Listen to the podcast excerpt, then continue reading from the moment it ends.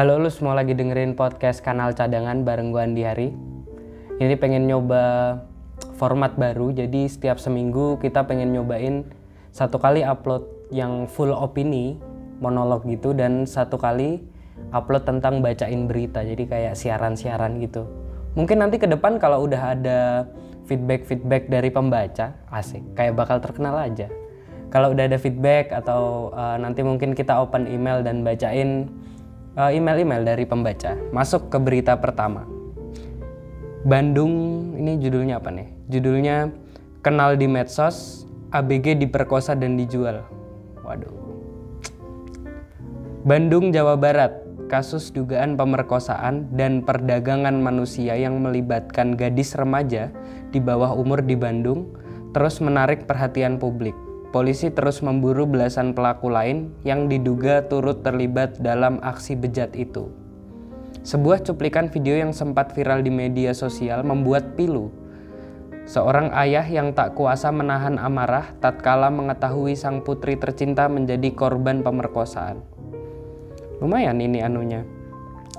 Pembuatan kata-katanya yang sempat viral di media sosial membuat pilu adalah seorang gad, seorang gadis belia yang semestinya menikmati euforia masa remaja kan? Bagus kan pembuatan kata-katanya? Justru harus menderita karena ada trauma. Adalah seorang gadis belia yang semestinya menikmati euforia masa remaja. Justru harus menderita karena ada trauma. Korban yang diduga masih berusia 14 tahun itu diperkosa dan dijajakan kepada lelaki hidung belang melalui aplikasi kencan di dunia maya. Tragedi berawal saat korban dinyatakan hilang oleh keluarga pada 15 Desember 2021 lalu. Usaha mencari sang buah hati ke rumah sanak saudara yang berakhir nihil tak membuat sang ayah patah arah. Patah arang, patah arang. Ia antas membuat ia antas membuat pengumuman orang hilang di media sosial. Secerca harapan muncul kalau ada informasi perihal keberadaan korban di Terminal Lewi Panjang Kota Bandung pada 20 Desember. Namun sang ayah tak berhasil menemukan sang putri di lokasi. Barulah pada 22 Desember seorang menghubungi keluarga dan mengaku melihat foto korban di aplikasi Kencan. Saat itulah sang ayah menyadari putrinya dijadikan komoditas prostitusi. Ada parah banget sih ini. Tanpa berpikir panjang, keluarga langsung melaporkan kasus ini ke polisi. Dari hanya penyel dari hasil penyidikan polisi, akhirnya menetapkan tiga orang tersangka. Ketiganya rupanya mempunyai perannya masing-masing. Ada yang bertugas mendandani korban, mengantarkan kepada tamu, hingga membuat akun untuk menjajakan korban. Terbaru polisi menangkap empat tersangka, Total pelaku yang sudah ditangkap ada tujuh orang. Peristiwa yang dialami oleh gadis berumur 14 tahun di Bandung, Jawa Barat ini pun mau tak mau menambah daftar panjang tindakan kekerasan seksual yang dialami anak di bawah umur. Ketua KPAI, Susanto, mengatakan jika dilihat dalam kasus Bandung ini, peran media sosial tampak menjadi salah satu faktor terjadinya kasus kekerasan seksual. Susanto mengatakan bukan hanya proteksi negara dan juga literasi masyarakat, tetapi juga platform harus memiliki sistem kontrol internal sehingga dapat melakukan upaya pencegahan dalam kasus human trafficking dan kekerasan seksual. Kriminolog Nadia Utama Larasati mengatakan, ketika anak-anak menjadi pelaku dan juga korban, yang harus dilihat adalah lingkungan sosialnya. Anak-anak sebenarnya tidak bisa dibilang sebagai pelaku kejahatan, Ketika dia menjadi pelaku kejahatan, maka yang akan dilihat adalah lingkungan sosialnya. Bagaimana kontrol sosialnya berfungsi atau tidak. Dalam kasus ini tentu saja bagaimana peran orang tua dalam memonitor atau mengawasi lingkungan pergaulan anak-anaknya. Tutur Nadia. Para tersangka kini dijerat dengan pasal berlapis tentang perekrutan, pengangkutan, penampungan, dan pengiriman seseorang dengan ancaman hukuman minimal 3 tahun dan maksimal 15 tahun penjara. Serta juga pasal tentang perlindungan anak dengan ancaman hukuman 10 tahun. Aduh, kalau lihat berita-berita kekerasan seksual gini nih bawaannya marah gitu sedih kenapa ada sampai setertata ini bahkan ada peran-perannya gitu yang pertama tadi ada yang dandanin ada yang upload fotonya ke media sosialnya ini bahkan dating apps ini. Jadi mereka udah punya modus operasinya gitu secara terstruktur terencana. Dan ini aduh men emang untungnya berapa sih? Kayak nggak punya uang apa? Malah jadi nyerang uh, personalnya gini. Tapi menurut kriminolognya kriminolognya tadi emang masalahnya adalah di orang tuanya. Gimana cara mereka memonitor anak-anaknya gitu. Padahal ya sulit juga gitu monitor anak-anak zaman sekarang. Kan sekarang kelasnya online miring kayak gini kan. Di kelas atau lagi gini bilangnya lagi ngapain buka HP bilangnya kelas online udah selesai gitu.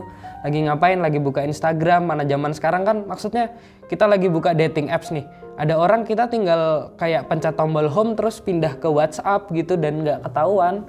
Gimana cara orang tuanya ngemonitor anak-anaknya? Ini mustahil tetap harus ada bener uh, ya bener podcast gue yang sebelumnya anjing. Kok gue jadi ngerasa bener ya? Tapi emang nggak bisa men dikontrol lewat uh, monitor orang tua atau dari pemerintahnya tadi bilang harus ada kontrol internal dari aplikasinya men aplikasi tuh udah bikin kontrol internalnya sendiri pasti dia ada kebijakan penggunanya kalau uh, pengen menggunakan aplikasi ini Anda harus umur 18 tahun dan misalnya kalau diduga akun penipuan juga mereka bakal ngeblok gitu. Emang kuncinya di masyarakatnya. Kuncinya di masyarakatnya mau gimana? Sekarang anak anak umur 14 tahun clueless gitu nggak punya nggak punya dasar apa-apa main install dating apps dan ketemu orang yang fotonya baik gitu mereka mau ngapain gitu nggak tahu apa-apa lah Maksudnya kalau di prostitusi online kan serem banget. Dan ketemu lewat dating apps tuh udah umur 14 tahun gimana ceritanya gitu berani. Atau ya gimana mereka juga nggak bisa ngefilter gitu mana yang harus dipercaya dan mana yang harus nggak dipercaya. Dan uh, gue yakin sih orang tuanya nggak pernah uh, ngomong uh, jangan gunakan media sosial kayak gini kayak gini kayak gini ya. Soalnya yang ini bahaya yang sampai detail gitu nggak pernah. Mungkin mereka cuman orang tuanya mungkin cuma bilang jangan main uh, dating apps. Udah seitu tanpa ada penjelasan. Sementara anak-anak tuh kan bawaannya penasaran gitu pengen mencoba sesuatu hal baru. Jiwa-jiwa muda kan maksudnya gitu loh. Nggak nggak bisa. Nggak bisa nggak bisa harus uh, ada kelas emang harus ada kelas di mana itu uh, kan ada nih zaman kita sekolah ada pelajaran TIK teknologi informasi komunikasi. Nah itu dulu cuma diajarin Microsoft Word bikin table di Microsoft Excel bikin PowerPoint dan segala macam tapi harus ada juga kelas uh, psikologi sosial media atau bimbingan sosial media atau bimbingan dunia maya gitu untuk mempersiapkan gimana caranya bersosial media walaupun itu masih di SD, SMP, SMA. Walaupun juga uh, tiap sosial media nih emang rata-rata kebijakan penggunanya minimal 18 tahun kalau mau menggunakan. Tapi kan ya anak-anak kecil bisa lah scrolling TikTok sendiri gitu dan bahkan TikTok nggak perlu uh, sign up untuk nggak perlu daftar untuk bisa scroll scroll itu kan bahaya banget gitu. Gimana nanti mereka bisa ngebedain mana yang benar mana yang salah. Sementara informasi ini yang ada di dunia maya nih kayak dihujani gitu ada ribuan informasi setiap hari. Ada hal baru nanti mereka kalau uh, jati dirinya nggak kuat gitu pasti ke bawah dan ya akan kayak gini banyak gitu. Tapi ya semoga pelaku-pelaku tertangkap lah dan ya semoga hukumannya hukuman mati lah kalau bisa. Karena ya derajat manusia nih udah paling rendah ini. Astagfirullah ya tapi gimana men? Kalau uh, kriminolognya ini juga bilang kalau yang harus diperhatikan lingkungan sosialnya gitu. Ya gimana? Anak-anak umur 14 tahun lingkungan sosialnya pasti main Instagram semua. Dan pasti dalam lingkungannya dia semuanya pakai sosial media gitu. Dan uh, sosial media ini udah jadi uh, kehidupan bagian dari kehidupan mereka. Dan gimana lingkungan sosialnya bahkan udah berpindah di lingkungan sosial yang ada di internet gitu. Bukan lingkungan sosial yang ketemu sepedaan terus main layangan atau gimana bukan. Nggak mau lah ini cuman kena 15 tahun serta pasal perlindungan anak ancaman hukuman 10 kalau bisa udah seumur hidup udah hukuman. Ada. Nih ada lagi nih. Sejumlah pelajar lapor polisi identitasnya digunakan untuk buka rekening bank diduga digunakan untuk judi online. Tasikmalaya, Jawa Barat, sejumlah pelajar di kota Tasikmalaya melaporkan seorang pria berinisial R yang diduga telah menyalahgunakan identitas mereka ke Mapolsek Cihedeng, Polres Tasikmalaya, Kota Rabu 5 Januari 2022. Bener nggak Cihedeng? Cihedeng, Polres Tasikmalaya. Kayaknya bener. Pelaku diduga menggunakan identitas para pelajar untuk membuka rekening ke beberapa bank. Awalnya para pelajar tersebut didatangi oleh terduga pelaku untuk dipinjam identitasnya. Identitas para pelajar tersebut digunakan untuk membuka rekening baru di sejumlah bank yang ada di kota Tasikmalaya. Para pelajar tersebut diiming-imingi uang senilai 200.000 per orang dan diajak ke bank untuk pembukaan rekening baru. Para korban mengira rekening tersebut akan diberikan kepada mereka. Namun, sejak bulan Oktober 2021 lalu, hingga saat ini mereka tak pernah memegang buku tabungan maupun kartu ATM dari terduga pelaku. Salah seorang pelopor, Mita Aprilianti, oh salah seorang pelapor, Mita Aprilianti, umur 18 tahun mengatakan dirinya melapor ke polisi lantaran takut identitas dan buku tabungan atas nama dirinya disalahgunakan.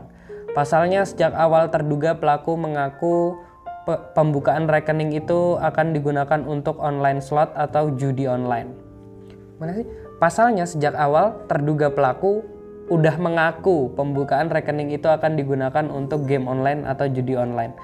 Selain itu, dari pihak bank ada yang datang ke rumah para pelajar tersebut menanyakan keberadaan buku rekening karena transaksi dan jumlah uangnya tidak wajar. Itulah, nggak wajar. Judi online, men, dipakai untuk traffic. Kirain saya rekening itu bisa dipakai pribadi. Nah, terus malah dibawa. Saya sempat tanya kenapa dibawa.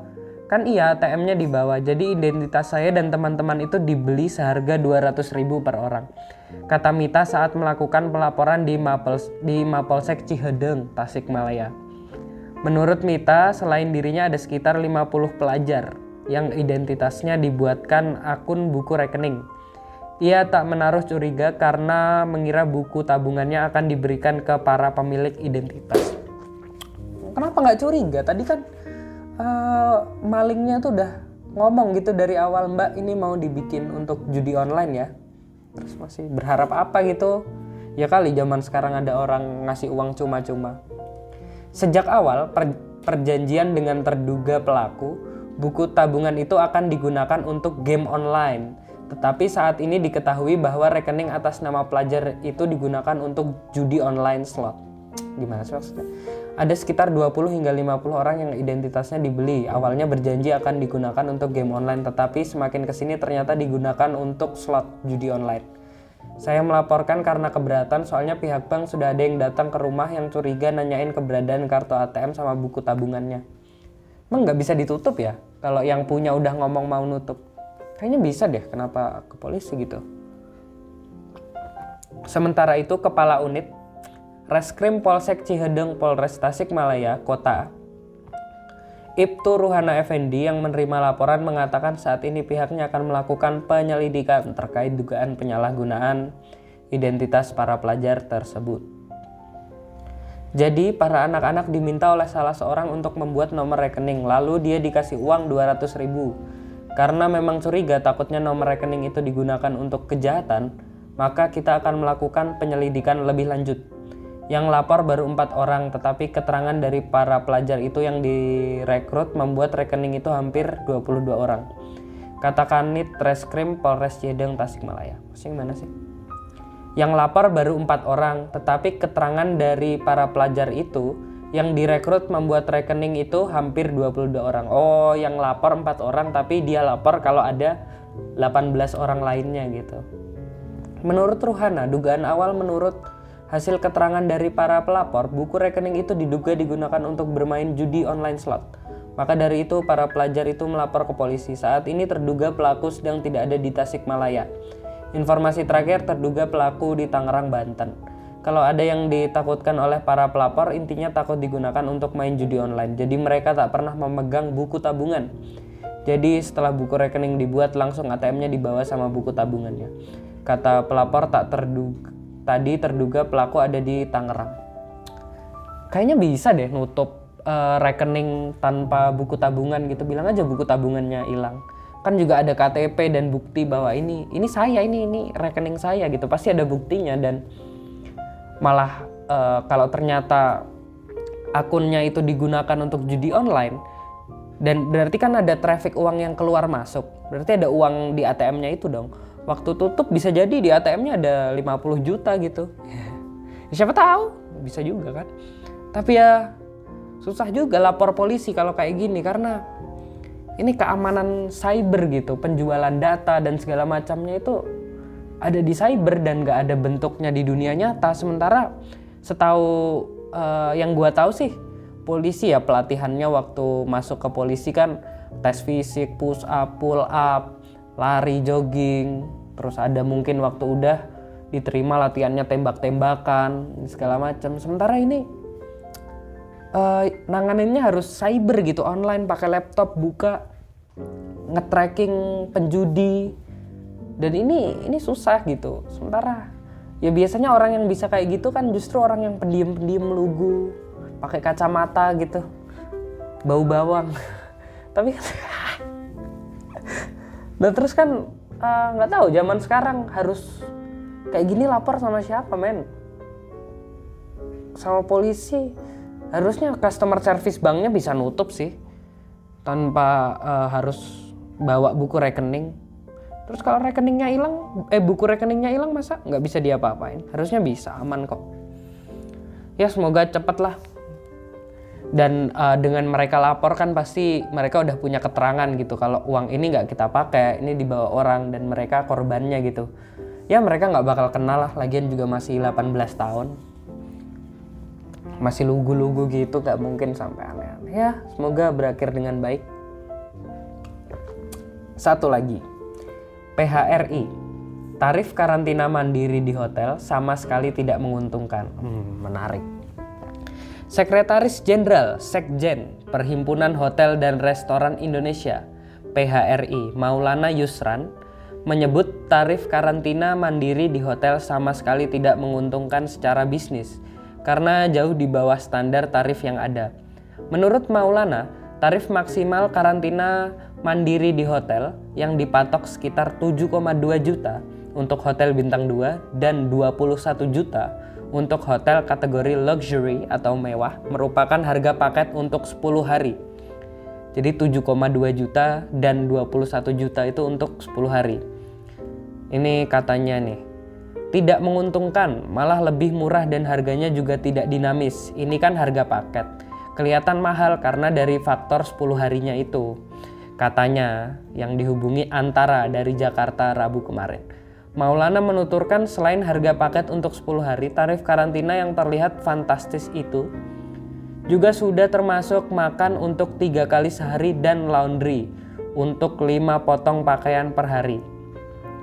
Ia menjabarkan dengan tarif karantina 10 hari di Hotel Bintang 2, mulai 6,7 juta hingga 7,2 juta, tarif kamarnya hanya dikenakan 300 ribu per hari, eh per malam. Demikian pula biaya makan yang rata-rata 250.000 per hari dan laundry 45.000 per hari.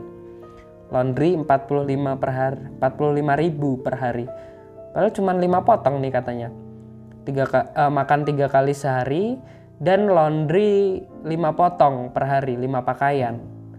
Ya 45.000 bagi 5 berapa 9.000 berarti per potong. Ya tetap mahal lah di Jogja laundry 3.500 kilo ada-ada aja. Demikian pula biaya makan yang rata-rata sekitar 250.000 per hari. 250.000 per hari. Berarti sekali makan ya 70.000 gitu 75 ribuan rupiah. Ya tetap mahal lah. Bintang 2 gitu makan 75 ribu men. Dan ini katanya anu loh maksudnya katanya PHRI loh Perhimpunan Hotel dan Restoran Indonesia. Mereka bilang mereka tidak diuntungkan. Sementara rakyat juga banyak yang ngomong kalau kita merasa rugi. Terus yang diuntungkan siapa gitu? Kenapa nggak dicabut aja pasal karantinanya ini? Dua orang maksudnya dua pihak rakyat dan pemegang modal atau pebisnisnya itu ngerasa rugi udah cabut aja. Gimana ceritanya ada ada pasal merugikan dua belah pihak? Ini pasti either salah satunya harus bohong. Entah rakyatnya yang bohong karena itu dia ngerasa rugi atau PHRI-nya yang bohong. Karena kalau dua-duanya dirugikan berarti kenapa? Apa karena dua-duanya kurang bersyukur aja gitu? Atau rakyatnya emang banyak ngeluh padahal kuat ke luar negeri bayar 7 juta nggak kuat? Pasti, pasti ada salah satunya yang yang bohong atau ya lebay-lebay lah untuk disorot media gitu. Aduh, tapi kalau pelajar setauku sih masih bisa di anu ya, masih bisa di uh, apa tuh namanya? Yang buat karantina yang murah. Wisma apa? Wisma Atlet. Nah, bisa di Wisma Atlet. Cuman ya kalau yang emang dari luar negeri kan mahal. Ya udah sih, lu mau ke luar negeri juga masih masih pelit-pelit banget 7 juta aset gitu. Padahal waktu di luar negeri kan di London gitu, hotelnya satu hari berapa euro, itu nggak ngeluh eh, di Indonesia nggak loh? Nggak fair gitu. Padahal kenapa nggak karantina di rumah aja malah di hotel? Ya tapi uh, tapi gini ya emang angka covid menurun terus dan ya mungkin yang dilakukan pemerintah udah bener gitu. Karena kan ya ada ada datanya ada faktanya kalau covid ini menurun terus. Jadi eh, nggak uh, tahu ya siapa yang bohong tapi yang jelas kalau secara data pemerintah udah bener lah asik. Buzzer RP buzzer RP tapi ya kita nggak tahu lah siapa yang benar yang penting jangan lupa selalu baca berita ece gitu. Podcast kanal cadangan bersama Andi Hari signing out. Berapa menit sih